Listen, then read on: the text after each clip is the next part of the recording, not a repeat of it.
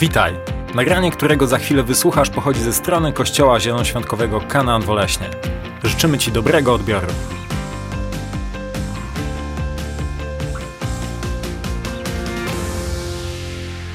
A dzisiejsze kazanie zatytułowałem Jeszcze będzie przepięknie, jeszcze będzie normalnie. Jeśli pamiętasz ten utwór, to znaczy, że musisz mieć więcej niż 20 lat. Jeśli pamiętasz tą piosenkę bardzo popularną, która pojawiła się w roku 1989, wtedy był taki zespół bardzo, bardzo popularny, a nazywał się Tilt. Mój znajomy mówi, że to był człowiek, który, który nie umiał śpiewać, a jednak ten hit w 1989 roku się pojawił i, i, i to był taki czas, kiedy za chwilę miała upaść komuna, miał upaść ten system i, i, wielu ludzi śpiewało, że jeszcze będzie przepięknie, jeszcze będzie normalnie.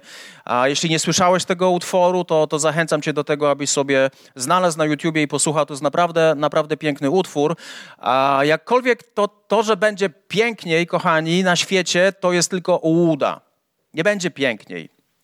Piękniej może być w naszych umysłach, pięknie może być w naszych sercach, pięknie może być w naszym wewnętrznym świecie. To jest coś, czego Bóg dla nas chce. Natomiast to, co jest dookoła nas, to, co jest dookoła nas, będzie, będzie pogrążało się w jeszcze większy chaos, jeszcze większe zamieszanie.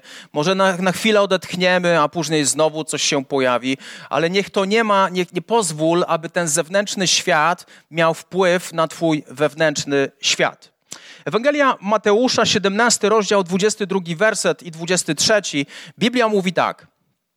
Gdy zebrali się w Galilei, Jezus skierował do nich te słowa: Syn człowieczy ma być wydany w ręce ludzi.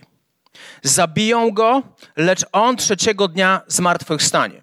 Posłuchajcie o tym, co mówi, co mówi co, co, o czym mówi Biblia. Jezus powiedział do swoich uczniów takie słowa: Syn człowieczy ma być wydany w ręce grzeszników, w ręce ludzi, oni go zabiją, ale trzeciego dnia zmartwychwstanie. I to jest teraz bardzo ciekawe. Jak, zareagowa- jak zareagowali uczniowie? Uczniowie się zasmucili. Uczniowie się zasmucili. Dlaczego oni się zasmucili? Jezus im powiedział o śmierci i powiedział im, pomimo tego, że nastąpi śmierć, pomimo tego, że ja umrę, to jednak nastąpi zmartwychwstanie. Uczniowie domyślnie, domyślnie swoje emocje, swój umysł skupili na tym, że on zostanie zamordowany i zapomnieli w ogóle o tym, że on zmartwychwstanie. Kochani, my bardzo często, defaultowo, domyślnie skupiamy się na tym, co jest negatywne. Skupiamy się na tym, co jest negatywne. Mówimy o tym, co jest negatywne, a E, nie wiem, śpiewamy o piosenki o tym, co jest negatywne. Jakkolwiek, jakkolwiek chrześcijaństwo, chrześcijaństwo ma nie tylko w sobie śmierć, ale ma również zmartwychwstanie. I chciałbym wam dzisiaj, chciałbym wam dzisiaj was zachęcić do tego, abyś dzisiaj, dzisiaj przyjrzał się temu kazaniu, pojawi się kilka prawd Bożego Słowa.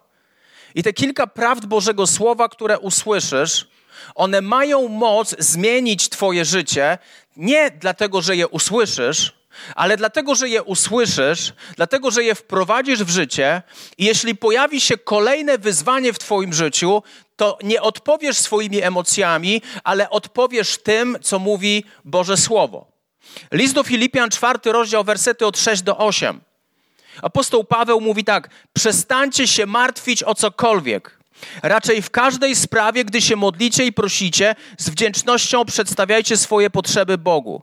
A pokój Boży, który, który, którego nie ogarnie żaden umysł, będzie w Chrystusie Jezusie strzegł waszych serc oraz myśli. W końcu, bracia, rozmyślajcie o tym, co jest prawdziwe.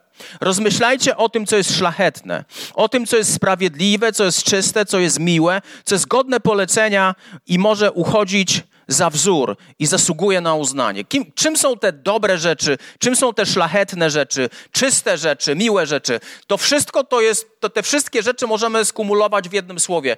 To są rzeczy, które wypływają z Bożego Słowa. To są obietnice Boga, które On daje swoim ludziom, ludziom, którzy podali swoje życie Jezusowi Chrystusowi. To są obietnice, to są historie wybawienia, to są historie uzdrowienia, które wypływają z Bożego Słowa i apostoł Paweł nas nakłania do tego, abyśmy byli ludźmi, którzy skupiają się właśnie na tym, na tym, co mówi Boże Słowo, na tym, co przedstawia Boże Słowo, dlatego że nasz umysł domyślnie będzie skupiał się na śmierci. Ale jeśli poddasz swoje myślenie Bogu, jeśli pod, będziesz przemieniał swoje myślenie, będziesz się koncentrował na zmartwychwstaniu, na tym, co dobre, ale to, co dobre jest tylko w Jezusie Chrystusie. To, co dobre jest tylko w Jezusie Chrystusie. I generalnie, kiedy mówimy o takich pozytywnych rzeczach, aby skupić się na tym, co jest pozytywne, a mówimy o optymizmie. Mówimy o optymizmie. I takie bardzo popularne stwierdzenie, które pojawia się bardzo często w pandemii, to jest takie: będzie dobrze, będzie ok. Kiedy ktoś choruje na raka, przychodzimy do niego, mówimy: Słuchaj, będzie dobrze, będzie dobrze, nic się nie przejmuj, będzie dobrze. Ale, ale, ale z czego wypływa to będzie dobrze? Czy to, jest, czy to jest zakotwiczone w jakimkolwiek fundamencie to moje stwierdzenie, że będzie dobrze? Optymizm, optymizm, kochani, to nie jest zaprzeczanie rzeczywistości. No i tak, no mam raka, bankrutuję, ale, ale będzie dobrze. Nie zaprzecza, optymizm nie zaprzecza rzeczywistości. Optymizm to nie jest również ślepa wiara. No tak, że będzie dobrze, będzie dobrze, ja wiem, będzie dobrze. Optymizm to jest zaufanie komuś oraz czemuś, co jest pewne i wykracza poza ramy czasoprzestrzeni i jest nacechowane dobrem względem nas. To jest bardzo skomplikowana definicja, dlatego przeczytam wam to jeszcze raz. Zaufanie i optymizm, kochani. Optymizm to jest właśnie zaufanie komuś, mówimy o Bogu, mówimy konkretnie o Bogu, który nazywa się Jezus Chrystus, czemuś, czyli Bożemu Słowu, to jest pewne, to wykracza poza czasoprzestrzeń, to wykracza poza nasz ograniczony umysł, wykracza poza, poza nasz ograniczony czas. To jest ktoś, kto wie, co będzie za rok, to jest ktoś, co będzie, co, kto wie, co będzie za dwa lata. I to wszystko jest nacechowane bo, dobrem względem nas, prawdziwą miłością skierowaną względem nas.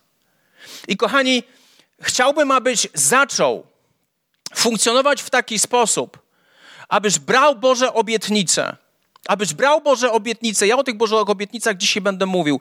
O tym, o tym optymizmie, który wypływa z Bożego Słowa. O tym optymizmie, który wypływa z miłości Jezusa, która płynie dla nas. O tej miłości, która została udowodniona właśnie poprzez, poprzez krzyż.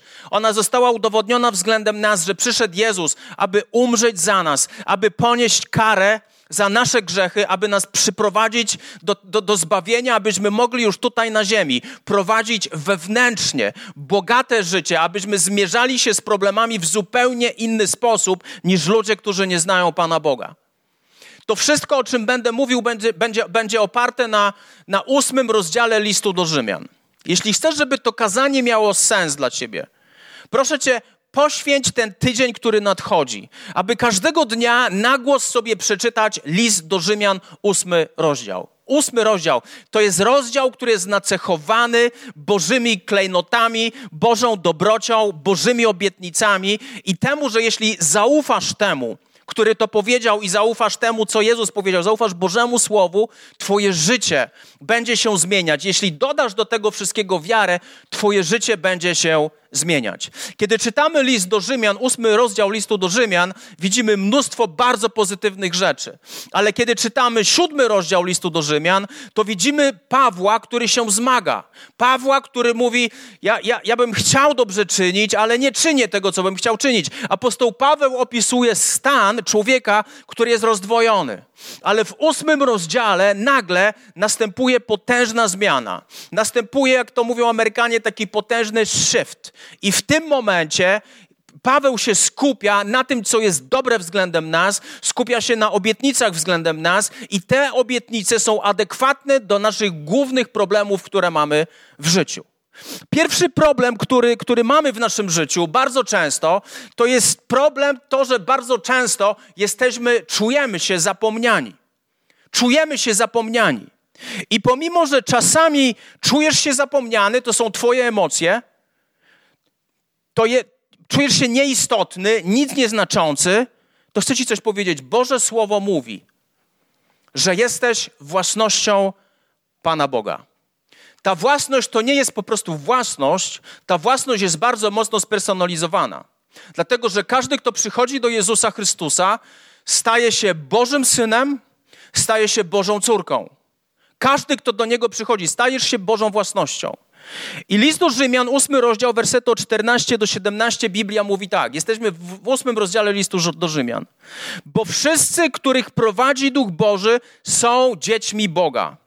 Nie otrzymaliście przecież ducha niewoli, by ponownie żyć w zastraszeniu, lecz ducha usynowienia, w którym wołamy Abba Ojcze. Ten właśnie duch świadczy wraz z naszym duchem, że jesteśmy dziećmi Boga. A jeśli dziećmi, to i dziedzicami, dziedzicami Boga, a także współdziedzicami Chrystusa, jeśli tylko razem z Nim cierpimy, po to, by razem z Nim mieć również udział w chwale. Ten werset pokazuje nam jedną istotną rzecz. Pomimo tego, że czasami czujesz się nieistotny, czujesz się zapomniany, czujesz się ominięty, czujesz się jakby nic nieznaczący, to Biblia mówi, że jesteś Bożą własnością. Powiem Wam, że bardzo często w moim życiu mam sytuację, kiedy ktoś zapomina o tym, co ja dla niego zrobiłem. Kiedy ktoś, ktoś patrzy na moje życie i mam wrażenie, że ktoś patrzy na moje życie i mówi, to nie ma znaczenia, co ten człowiek robi. Czasami moje emocje ciągle próbują, ciągle próbują przejmować prawdę, która wypływa z Bożego Słowa. Jaka jest prawda według Bożego Słowa? Prawda według Bożego Słowa jest jedna. Ja jestem własnością Pana Boga, bo jestem Jego synem, bo poddałem kiedyś swoje życie Jezusowi Chrystusowi. Jesteś Jego córką. Jeśli jesteś kobietą, która poddała życie Jezusowi, jesteś Jego córką, jesteś Jego własnością. Ciekawe jest to, ciekawe jest to, że Paweł mówi o tym, że Duch Święty, który mieszka w nas, on woła, my wołamy w tym Duchu Świętym, wołamy Abba Ojcze. Abba to jest aramejskie słowo określające słowo tatuś. To jest zdrobnienie na słowo tatuś. Abba oznacza tatusiu. Łatwo zapamiętać, dlatego że znowu wrócę, nawiążę do muzyki. Był taki szwedzki zespół, nazywał się Abba, bardzo popularny i to słowo Abba po aramejsku oznacza tatuś. To słowo w Nowym Testamencie jest użyte trzy razy. Jedno z tych użyć jest właśnie tutaj w liście do Rzymian. Ale chciałbym Ci teraz pokazać, gdzie ono zostało użyte w najbardziej dramatycznej sytuacji. Chrystus przed, przed swoją śmiercią poszedł się modlić do ogrodu Getsemane. Ogród Getsemane to było miejsce, gdzie Pan Jezus podjął finalnie decyzję, finalnie decyzję, że On odda życie – on odda swoje życie, aby go ukrzyżowano, aby ludzie mogli doznać zbawienia, aby ludzie mogli doznać uwolnienia, aby ludzie mogli doznać uzdrowienia i aby mogli doświadczyć tego zbawienia już tutaj na ziemi, aby ich życie tutaj na ziemi wyglądało już zupełnie inaczej. I w tym momencie, kiedy, kiedy Chrystus odczuwa tą presję tego, że będzie musiał umrzeć na krzyżu, w tym momencie Chrystus mówi tak: Abba Ojcze, jeśli może mnie ominąć ten kielich cierpienia, jeśli może mnie ominąć ten kielich, kielich cierpienia, jeśli może mnie ominąć krzyż, jeśli możesz, może się to stać. I po pewnej chwili Chrystus mówi znamienne słowa. Nie to, co ja chcę, ale to, co Ty chcesz. Nie to, co ja chcę, ale to, co Ty chcesz. Tu zostało użyte słowo Abba. Kiedy Jezus zwraca się w zdrobnieniu do swojego, ze swojego Ojca, do Boga Ojca, artykułując, że wie, że jest to trudne, że śmierć na krzyżu jest trudna, ale w tym momencie poddaje swoją wolę woli Bogu Ojca i mówi: Nie to, nie to co ja chcę, ale to, co Ty chcesz. To, dlaczego my możemy mówić do Boga i zwracać się do Boga Ojcze to, dlaczego możemy tak odważnie modlić się modlitwą Ojcze Nasz, jest spowodowane tym, że Chrystus, kiedy modlił się w ogrodzie Getsemany, gdzie również użył słowa Abba, użył słowa tatusiu, to była ta decyzja, że Jezus umiera na krzyżu za nas. W ogrodzie Getsemany została podjęta decyzja. W ogrodzie Getsemany pojawiło się drugi raz słowo Abba, gdzie Chrystus umiera za nas. Przez Jego śmierć przez Jego śmierć, przez Jego zmartwychwstanie, my możemy być własnością Pana Boga. Nie musimy się czuć jako ludzie, którzy nic nie znaczą, nie musimy się czuć jako ludzie, którzy są nieistotni, jako ludzie, którzy są niechciani. Jesteś zaadoptowany. Ty i ja, jeśli oddajesz życie Jezusowi, jesteś zaadoptowany przez Boga, który pozwala cię nazywać, który się pozwala nazywać Ojcze. Co z tego wypływa? Wypływa z tego jedna rzecz. Tak samo jak każdy ziemski ojciec, każdy ziemski rodzic nie pozwoli, aby krzywdzono jego dziecko, pomimo tego, że ziemski rodzic ma bardzo ograniczone zasoby, ma ograniczone środki, aby ochronić swoje dziecko, to Bóg, który jest w niebie, ma wszelkie środki, wszelkie zasoby i wszelką władzę, aby chronić Twoje życie. Jeśli poddajesz swoje życie Jezusowi Chrystusowi, w tym momencie świat dookoła ciebie się nie zmieni. Ale to, co się zmieni, to od wewnątrz będziesz czuł, że zostałeś odkupiony przez Boga, że zostałeś usynowiony przez Boga. To jest ta pierwsza, pierwsza piękna Boża obietnica, że możesz należeć do Niego, że jesteś Jego synem, że jesteś Jego córką. I może to się stać w Twoim życiu, jeśli tylko tego chcesz. Druga prawda, pomimo obecnego cierpienia, jestem zwycięzcą. Cierpienie to jest kolejny taki dylemat w naszym życiu, że bardzo często nie potrafimy nie potrafimy odgadnąć, skąd pochodzi to cierpienie, dlaczego przychodzi to cierpienie. I nie będziemy się zastanawiać teraz nad, nad sensem cierpienia, nad istotą cierpienia, nad źródłem cierpienia. To nie jest ten czas i to nie jest to kazanie. Ale apostoł Paweł w ósmym rozdziale i ósmym wersecie mówi tak. Uważam przy tym, że teraźniejsze cierpienia nic nie znaczą w porównaniu z chwałą, która ma się nam objawić. List do Rzymian 8, rozdział 18, werset Paweł mówi tak. Uważam przy tym, że teraźniejsze cierpienia nic nie znaczą w porównaniu z chwałą, która ma nam się objawić. Apostoł Paweł był kamieniowany kilka razy, był biczowany kilka razy, trzy razy rozbił się z nim statek. Kilka razy, kilka razy był w takiej sytuacji, że myślał, że już umrze był, był w więzieniu. To był człowiek, który naprawdę był doświadczony przez cierpienie. I apostoł Paweł mówi, ale perspektywa na cierpienie jest taka, że teraźniejsze cierpienia, teraźniejsze cierpienia nic nie znaczą w porównaniu z chwałą, która ma się objawić w przyszłości. I tu nie chodzi, kochani, tylko o to, nie chodzi tylko o kwestię naszego zbawienia w niebie, bo choćbyś zabił chrześcijanina, to dla niego i tak to jest zyskiem, bo on idzie prosto do nieba. Cierpienie znajduje swój koniec w niebie. Jeśli oddałeś życie Jezusowi, jeśli jesteś Jego synem, jeśli jesteś Jego córką, jeśli jesteś Jego własnością, to cierpienie, nawet jeśli miałoby być to śmiertelne cierpienie, to ono, ono, ono cię wyśle tylko szybciej do nieba. Jakkolwiek to cierpienie, którego doświadczasz, ja widziałem to wiele razy. Wiele razy w moim życiu pojawiało się cierpienie, pojawiało się napięcie, pojawiały się trudne momenty. I każdy taki trudny moment, każda taka dolina prowadziła mnie w rezultacie do czegoś lepszego. Prowadziła mnie do czegoś lepszego. Bóg prowadził mnie w tym wszystkim do czegoś lepszego. Najbardziej popularny psalm w momencie, kiedy, kiedy tonął najbardziej pyszny i najbardziej znany statek, czyli Titanic, to był Psalm 23. Ten Psalm 23 mówi: Choćbym szedł ciemną doliną, zła się nie ulęknę, bo Ty jesteś ze mną. Bóg zawsze, kiedy, kiedy cierpisz, to cierpienie ma swoje, swój, swój koniec. Cierpienie jest ograniczone bez względu na to, co się dzieje teraz, jest zawsze lepsza przyszłość dla ciebie.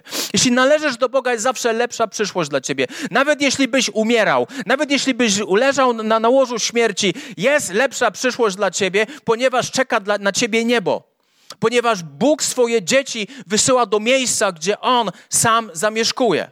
On sam zamieszkuje. Ale nawet jeśli przechodzisz trudności tu i teraz, Przechodzisz cierpienia tu i teraz. Bóg chce cię wyprowadzić z tych cierpień i doprowadzić cię do miejsca, kiedy będziesz mógł, odetchnąć, kiedy będziesz mógł cieszyć się życiem tutaj na ziemi. A więc to, co mówi Paweł, teraźniejsze cierpienia nic nie znaczą w porównaniu z chwałą, która ma się nam objawić. Jeśli oddałeś swoje życie Jezusowi Chrystusowi, będziesz żył tutaj na ziemi maksymalnie 100 lat. Będziesz żył tutaj na ziemi maksymalnie 100 lat.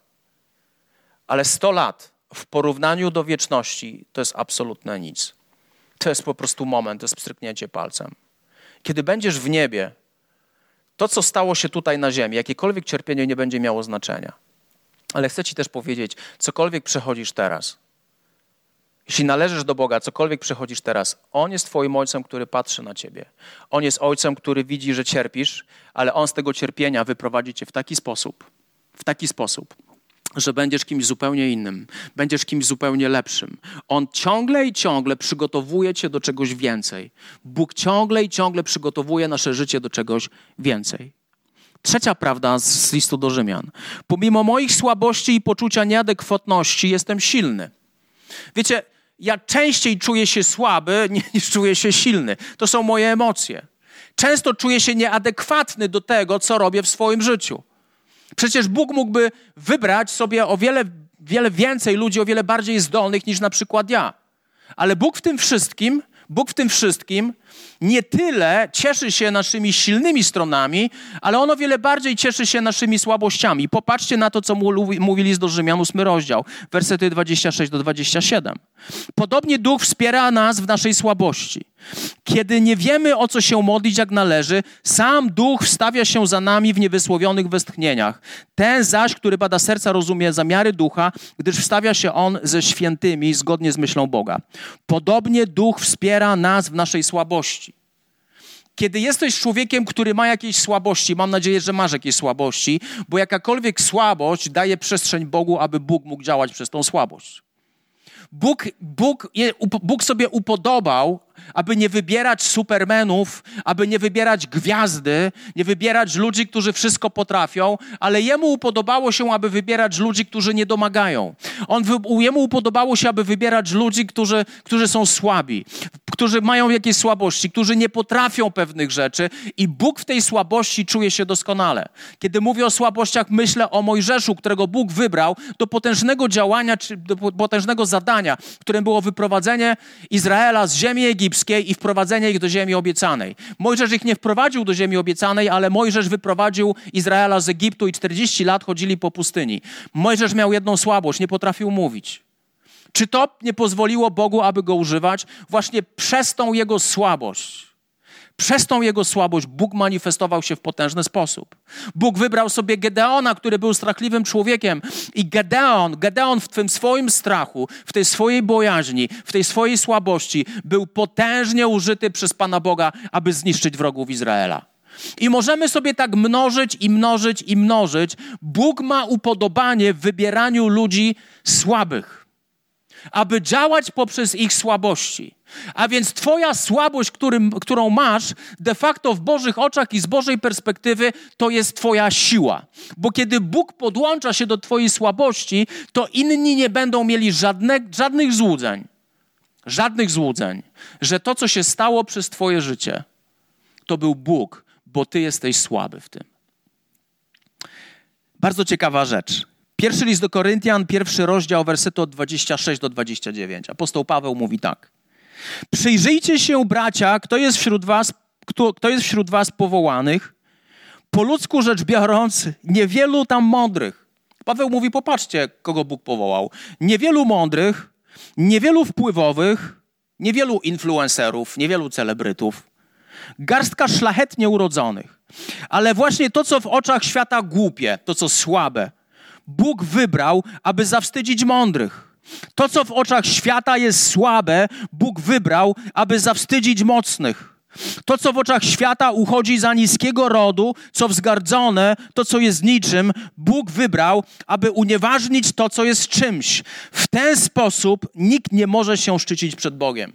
To jest piękna rzecz, to jest, to jest fragment, który mnie tak pociesza, bo ja nie mam, ani nie jestem, ani nie jestem człowiekiem bardzo mądrym, ani nie jestem człowiekiem wpływowym, ani nie mam szlachetnego rodu, ani nie jest, jestem postrzegany bardzo często jako człowiek, który jest głupi, który marnuje swoje życie dla Pana Boga. Nie, nie, jestem, nie jestem człowiekiem, który ma jakikolwiek taki celebrycki wpływ. Byłem człowiekiem, który, który w liceum w liceum oblał maturę z języka polskiego, ustną maturę z języka polskiego. Byłem człowiekiem, który był totalnie zawstydzony, aby, aby wypowiedzieć się przed, dla mnie przed tłumem, czyli moją klasą, która liczyła 25 osób. Byłem przerażony publicznym mówieniem. Teraz wszystko się zmieniło. Kiedy się zmieniło? Kiedy, przy, kiedy Jezus przyszedł do mojego życia, kiedy podałem mu swoje życie, moja słabość zamieniła się w moją siłę. Moja słabość zamieniła się w moją silną stronę. Uwielbiam się komunikować, uwielbiam głosić kazania, uwielbiam mówić o Jezusie. Moja słabość zamieniła się w moją siłę. Bóg działa poprzez nasze słabości. W jaki sposób Bóg zawstydza świat? Poprzez ludzi, poprzez ludzi niemądrych, poprzez ludzi mało wpływowych, poprzez ludzi, którzy nie są szlachetnie urodzeni. W jaki sposób Bóg, ich, Bóg zawstydza świat? On bierze tych ludzi, przemienia tych ludzi i używa ich potężnie poprzez ich słabości. Jeden z najbardziej popularnych kaznodziejów i mówców motywacyjnych na świecie obecnie to jest człowiek, który nazywa się Nick Wójcicz. Nick Wójcicz, który urodził się i był pozbawiony, był pozbawiony nóg, był pozbawiony rąk, jest tylko jego tułów, jest tylko jego głowa. I ten człowiek został wybrany przez Pana Boga. I gwarantuję ci, kimkolwiek nie jesteś, kimkolwiek może jesteś, to ile ludzi zostało zmotywowanych przez Nika Wójcicza do lepszego życia, to ile ludzi odwołało swoją decyzję podjęcia aby popełnić samobójstwo. To, ile ludzi znalazło wiarę w Jezusa Chrystusa przez tego człowieka, przez tego słabego człowieka. Kiedy patrzysz na niego, to, to jesteś w ogóle w szoku, że jest to możliwe, że ten człowiek żyje. Nie ma ani rąk, ani nóg, ma tylko głowę i tułów, i te wszystkie inne kończyny są niedorozwinięte, a Bóg w tym wszystkim używa go w niesamowity sposób. Bo Bóg używa nas, kochani, w naszych słabościach. Bóg używa nas w naszych słabościach i to jest niesamowicie dobra wiadomość. Czwarta dobra wiadomość. Pomimo, że nie rozumiem pewnych rzeczy, jestem pełen ufności. Popatrzcie, list do Rzymian, 8 rozdział, wersety 8, 20, 28 werset, 8, 28. To jest werset, który bardzo często źle interpretujemy. Popatrzcie. A wiemy, że kochającym Boga, to jest tym, którzy są powołani zgodnie z Jego planem, wszystko służy ku dobremu. Bardzo często mówimy tak, że wszystko, co się dzieje w naszym życiu, w końcu zostanie odwrócone ku dobremu. To jest prawdą tylko wtedy, jeśli kochasz Boga. To jest prawdą tylko wtedy, kiedy Twoje życie należy do Boga. Wtedy wszystko, co dzieje się w Twoim życiu, Bóg odwróci to ku dobremu. Bóg odwróci to ku dobremu jakiekolwiek zło, jakiekolwiek zamieszanie, jakiekolwiek cierpienie, Biblia mówi o tym, że Bóg odwróci to wszystko ku dobremu. Ale w życiu których ludzi? Tych, którzy kochają Boga. Jeśli kochasz Boga, jeśli poddałeś Mu swoje życie, to wiedz o tym, wiedz o tym, że w tym całym zamieszaniu, które jest obecnie, którego nie rozumiesz, być może dzieją się dziwne rzeczy w Twoim życiu, być może tego nie rozumiesz powiem Ci tak, Bóg wyprowadzi z tego piękną historię. Bóg wyprowadzi z tego piękną historię, bo Bóg jest mistrzem, aby brać katastrofy w życiu chrześcijan, aby brać porażki w życiu chrześcijan, aby brać upadki w życiu chrześcijan, aby brać jakieś katastrofy w życiu chrześcijan i przeradzać je w Jego sukces. I przeradzać je w Jego sukces. Dlatego mamy wielu ludzi, którzy pozornie rzecz biorąc odnieśli porażki, ale kiedy te porażki znajdują się w Bożych rękach, to te wszystkie porażki są zamieniane w Boży sukces, bo Bóg we wszystkim współdziała ku dobremu z tymi, którzy Go kochają. Kiedy patrzę na, na to, co stało się w moim życiu 12 lat temu, kiedy zachorowałem na stwardnienie rozsiane, to świat, który był dookoła mnie, był naprawdę trudny. Kiedy poszedłem do, kiedy poszedłem do przychodni stwardnienia rozsianego, siadasz tam na krześle i przychodzą inni ludzie, i ci inni ludzie są w totalnym stopniu totalnie niepełnosprawni. Patrzysz na ogłoszenia, była, pamiętam do dzisiaj. Była tam taka tablica ogłoszeń, na tej tablicy ogłoszeń a były ogłoszenia używanych wózków inwalidzkich. Jesteś w tym świecie i to, co się dzieje dookoła ciebie, jest naprawdę ponure. Ale to, co się dzieje dookoła ciebie, nie może mieć wpływu na to, co się dzieje wewnątrz ciebie. Wewnątrz mnie była, była ufność wewnątrz mnie było przekonanie, że Panie Boże, Ty widzisz, co się dzieje w moim życiu, Ty widzisz to całe zamieszanie w moim życiu, Ty widzisz ten świat, który mnie otacza. Ja ufam Tobie całkowicie. Ja ufam Tobie całkowicie. Kochani, skoro Bóg umarł za mnie, skoro Jezus Chrystus umarł za mnie, skoro On osobiście powołał mnie do, do, do, do swojego Bożego Królestwa, skoro, skoro On mnie zbawił, czy ja, czy ja mogę nie zaufać takiemu Bogu? Bogu, który poddał swojego syna za mnie, czy ja, czy ja mogę nie zaufać takiemu Bogu? Ja, ja mu ufam całkowicie. W moim zamieszaniu, w chaosie, który się dzieje w moim życiu bardzo często, ja mu ufam w stu procentach, bo wiem, że on to wszystko ogarnia, że to wszystko finalnie się dobrze skończy, bo on jest Bogiem, który we wszystkim współdziała ku dobremu. Piękna historia z pierwszej księgi Mojżeszowej, kiedy, kiedy bracia Józefa wrzucili najpierw Józefa do studni, później go sprzedali, sprzedali go przejeżdżającej karawanie. Józef ląduje w końcu w więzieniu i przez 13 lat ten chłopak w ogóle nie wiedział, co się dzieje w jego życiu. On, nie miał, on nie wiedzie, w ogóle nie wiedział, o co chodzi. Miał 17 lat, zaczęły się jego problemy.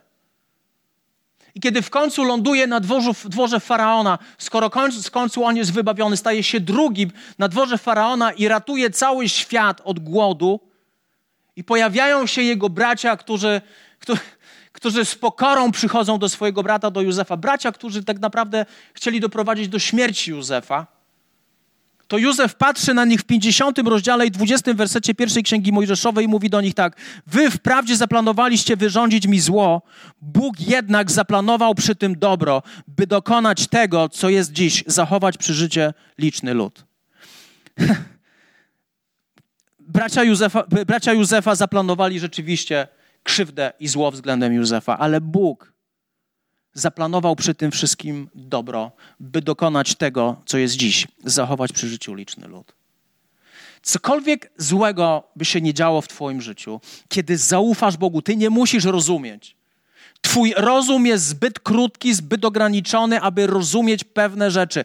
Nikt z nas nie jest w stanie zrozumieć pandemii, nikt nie rozumie tego, co się dzieje na świecie, ale ja pokładam moją ufność całkowicie w Bogu i ufam Mu i wiem, że On wie, co robi. I wiem, że ta sytuacja w moim życiu, w Twoim życiu, jeśli tylko Mu zaufasz, ona skończy się w dobry sposób. To jest potężna Boża obietnica. Piąta rzecz jest taka, że pomimo przeciwności nie jestem sam. Znowu list do Rzymian, ósmy rozdział, werset 31 do 32. Czyż to nie jest wspaniałe, mówi apostoł Paweł? Jeśli Bóg jest po naszej stronie, kto może stanąć przeciwko nam? On, który nawet własnego syna nie oszczędził, ale go za nas wszystkich wydał, jakżeby wraz z nim nie miał nas obdarzyć wszelkim innym dobrem. To jest potężna obietnica. To jest potężna Boża obietnica, gdzie Paweł mówi: skoro, skoro Jezus umarł za moje grzechy, skoro Jezus umarł za Twoje grzechy i on poświęcił swoje życie, Bóg Ojciec poświęcił swojego syna, o ile bardziej. O ile bardziej taki Bóg nie będzie wstawiał się za tobą, nie będzie chronił ciebie, nie będzie prowadził ciebie i nie będzie wyciągał cię z ciemności i z problemów. O ile bardziej. Skoro ktoś dał, zapłacił największą wartość za ciebie, o ile bardziej ten sam Bóg będzie stał za tobą i nic złego ci się nie przydarzy, jeśli tylko będziesz mu ufał. A cokolwiek diabeł zamierzył złego względem ciebie, Bóg ma moc odwrócić to ku dobremu. Musisz mu zaufać i zrozumieć Boga, który jest za tobą. On nie jest przeciwko tobie. Cokolwiek się dzieje, Bóg jest z tobą. Cokolwiek się dzieje, Bóg jest z tobą. Możesz być sam, możesz być wyrzucony z domu, możesz być odrzucony przez swoją rodzinę, możesz być wywalony i cokolwiek złego może się dziać, ale Bóg jest z tobą. Kiedy Józef, o którym mówiliśmy przed chwilą, był w więzieniu, Biblia mówi, ale Pan był z Józefem. Kiedy, wyląd kiedy wylądował w domu Potyfara i został oskarżony o coś, czego nie zrobił, Biblia mówi, ale Pan był z Józefem. Kiedy, kiedy był sprzedany karawanie, Biblia mówi, ale Pan Był z Józefem.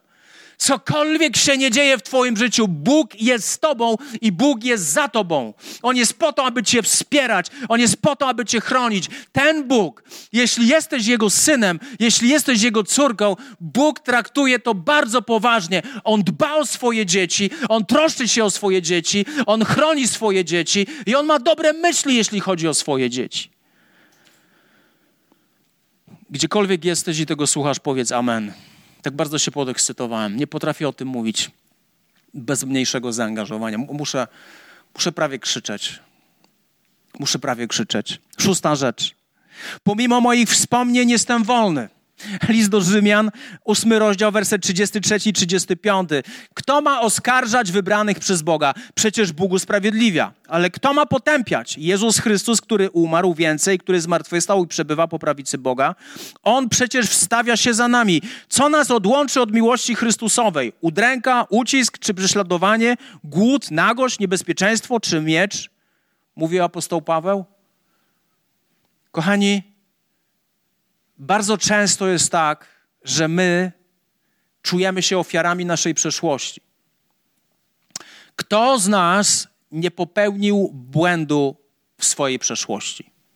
Kto z nas nie odniósł porażki w czasie swojej, w czasie, w swojej przeszłości? Kto z nas nie zgrzeszył w czasie swojej przeszłości? Kto z nas nie zrobił czegoś złego? Absolutnie nikt. Nie ma takich ludzi. Każdy ma przeszłość za sobą i poza dobrymi momentami jest tam mnóstwo, mnóstwo złych rzeczy. I kiedy jesteś w teraźniejszości, to jest ktoś zainteresowany tym, o którym mówi również apostoł Paweł. To jest ten, który właśnie, e, który potępia, to jest ten, który przypomina zło, to jest ten, który oskarża, to jest ten, który mówi, że jesteś beznadziejny, to jest ten, który niszczy twoje poczucie wartości. Tym kimś jest diabeł. Diabeł przypomina ci Twoją przeszłość. Ale to jest absurd, ponieważ jeśli wyznałeś swoje błędy Panu Jezusowi, jeśli przeprosiłeś Go za swoje grzechy, jeśli przeprosiłeś Go za decyzje, które podjąłeś w swoim życiu, jeśli Go przeprosiłeś, to powiem Ci, Bóg nigdy nie wypomni Ci tych grzechów ani błędów. Bóg nie ma w swojej naturze wspominać grzechów ani złych rzeczy. Bóg jest Bogiem, który jest zainteresowany Twoją przyszłością. Bóg chce, abyś dzisiaj tu, aby Twój umysł był wolny, był wolny od wszelkich potępień. Albo uwierzysz temu cichemu głosowi, który ciągle cię potępia i przypomina ci twoje błędy, przypomina ci grzechy, przypomina ci porażki, przypomina ci swoje złe decyzje. Diabeł nie ma nic innego do roboty, tylko cię oskarżać i przypominać ci twoje błędy ale stało się coś na krzyżu. Nie wiem, czy masz świadomość, ale Jezus został ukrzyżowany na wzgórzu, które nazywa się Golgota. Golgota po aramejsku oznacza czaszka. Czaszka, ludzka czaszka.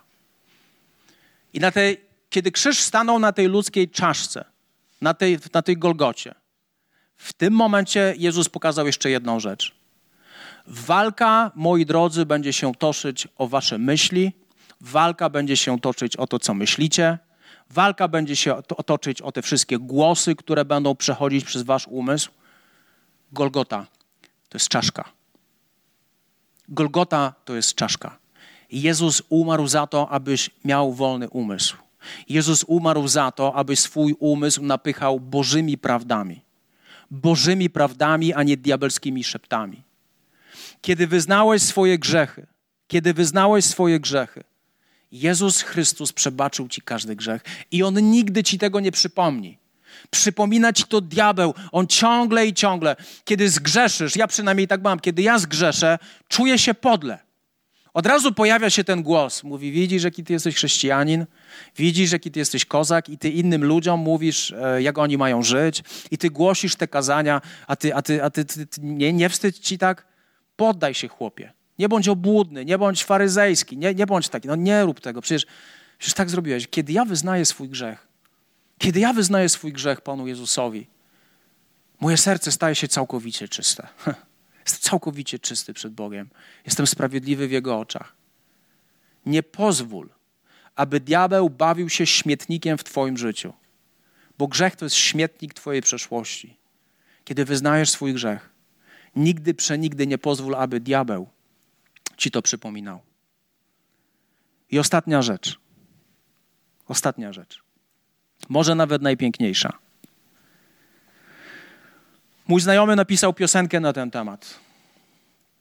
Piękną, znaną piosenkę, która nawet jest śpiewana na Białorusi. I ten siódmy punkt nazywa, brzmi tak. Pomimo złych uczuć i błędów, jestem kochany przez Boga. Jestem przez Niego kochany. Widzisz, Bóg jest Bogiem, który nie. My bardzo często myślimy, że Bóg ma miłość. On ma miłość. Jego cechą Jego charakteru jest to, że On jest miłość. Że On, jest, że on, że on ma miłość. Bóg, to, nie, to jest totalne niedopowiedzenie. Biblia mówi o tym, że Bóg jest miłością. To jest istota. Istota Boga jest taka, że On jest miłością. I list do Rzymian, 8 rozdział, wersy 38 i 39. Biblia mówi tak. Gdyż jestem tego pewien, że ani śmierć, ani życie, ani aniołowie, ani potęgi niebieskie, ani teraźniejszość, ani przyszłość, ani moce, ani wysokość, ani głębokość, ani żadne inne stworzenie nie zdoła nas odłączyć od miłości Bożej, która jest w Chrystusie Jezusie, naszym Panu. Piękny werset. To, co mówi apostoł Paweł, nic, absolutnie nic nie jest w stanie odłączyć cię od Boga, który cię ukochał. Bóg ciebie kocha. Bóg może cię kochać jako Bóg i Bóg może cię kochać jako Ojciec. To jest Twój wybór. Bóg kocha wszystkich ludzi, ale nie wszyscy ludzie są Jego własnością. Nie wszyscy ludzie są Jego synami, nie wszyscy ludzie są Jego córkami. Dlaczego nie wszyscy? Bo bycie synem i bycie córką to jest nasz wybór. To jest nasz wybór. Kochani, jeśli oddałeś swoje życie Jezusowi Chrystusowi, jeśli był taki moment, że oddałeś swoje życie Jezusowi Chrystusowi, to cokolwiek by się nie działo w Twoim życiu, to nic nie jest w stanie odłączyć Cię od miłości, która jest w Jezusie Chrystusie. Nic nie jest w stanie Cię odłączyć od tej ojcowskiej miłości, którą Bóg ma dla Ciebie. Nic. Nic. Pamiętam taką historię, może ona jest nieadekwatna, tak jak ja. Jestem czasami nieadekwatny.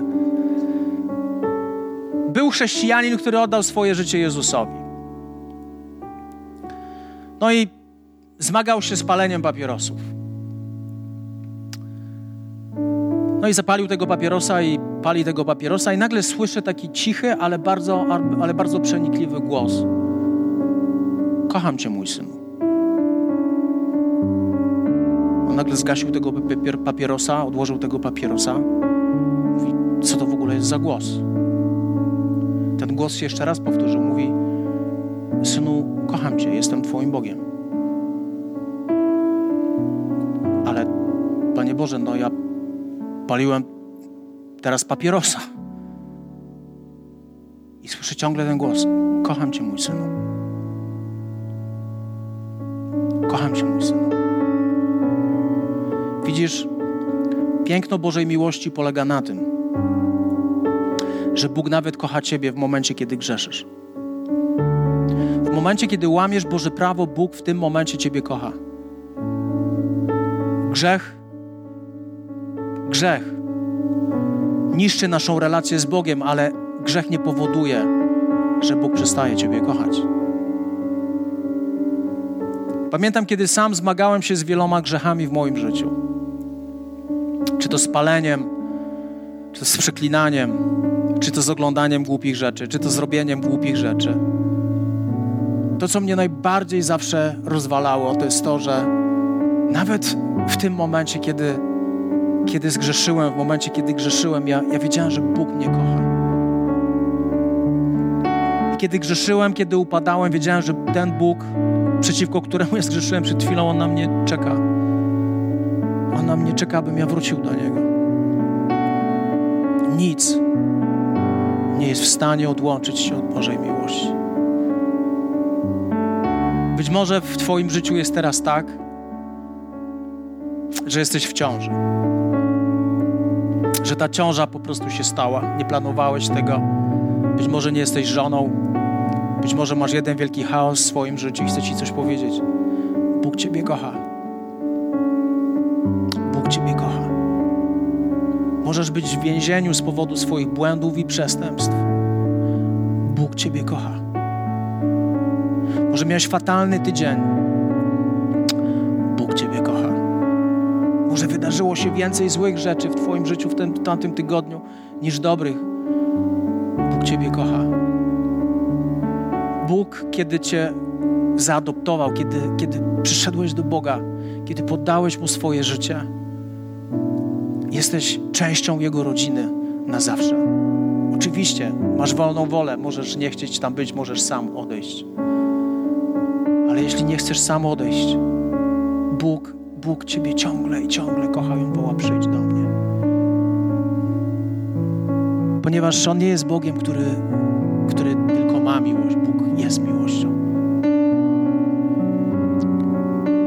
I zachęcam Cię do tego,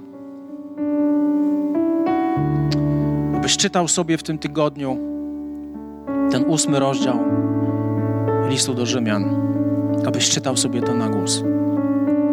Tam jest tyle pięknych obietnic, które są skierowane w moją i Twoją stronę. Uwierz mi, jakikolwiek problem przechodzisz, tam znajdziesz Bożą odpowiedź.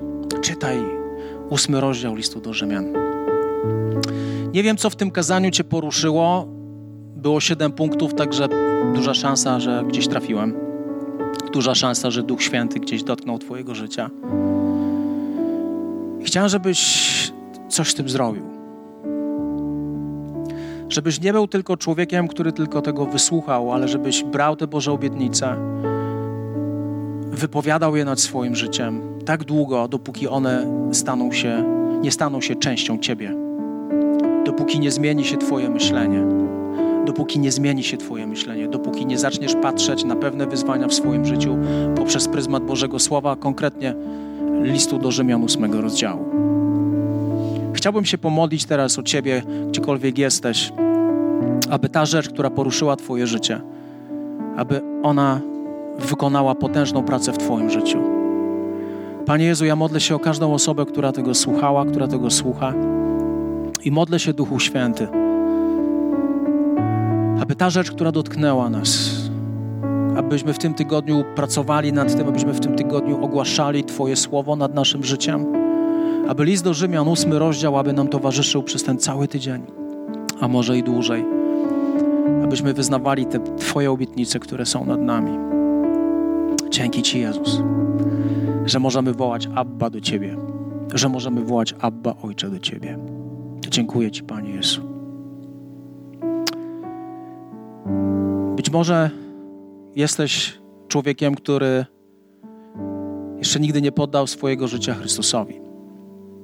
Jeśli nie poddałeś swojego życia Panu Jezusowi Chrystusowi, to oznacza, że On nie jest Twoim Ojcem. Bóg nie jest Twoim Ojcem. Bóg może być Twoim Ojcem tylko wtedy, kiedy Ty tego chcesz, kiedy Ty tego pragniesz. Jeśli chcesz, aby On dzisiaj stał się Twoim Ojcem, to chciałbym Cię poprowadzić w takiej modlitwie, aby pojednać się z Bogiem, aby wrócić do Niego, aby przyjść do Niego. Jeśli chcesz poddać życie Jezusowi, proszę pomóc się ze mną. Powtórz za mną te proste słowa.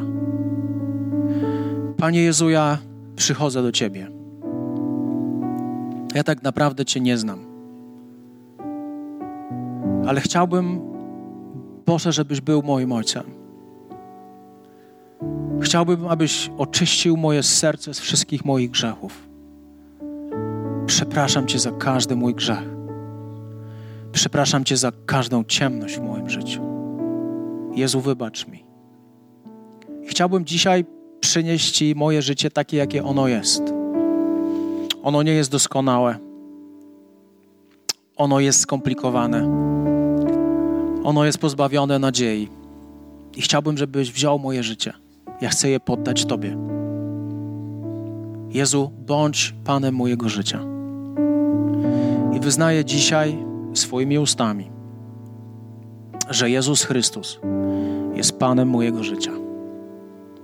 Amen. Witaj ponownie. Dziękujemy za wysłuchanie tego nagrania i mamy nadzieję, że pomoże Ci ono zbliżyć się do Boga. Jeśli dziś podejmujesz decyzję o zaufaniu Jezusowi i uznaniu Go Twoim Zbawicielem, to chcemy Ci pogratulować. Modlimy się o Boże działanie w Twoim życiu i zapraszamy Cię serdecznie do kanału, ponieważ wierzymy, że Kościół, czyli wspólnota wierzących ludzi, to najlepsze miejsce do wzrostu i rozwoju duchowego.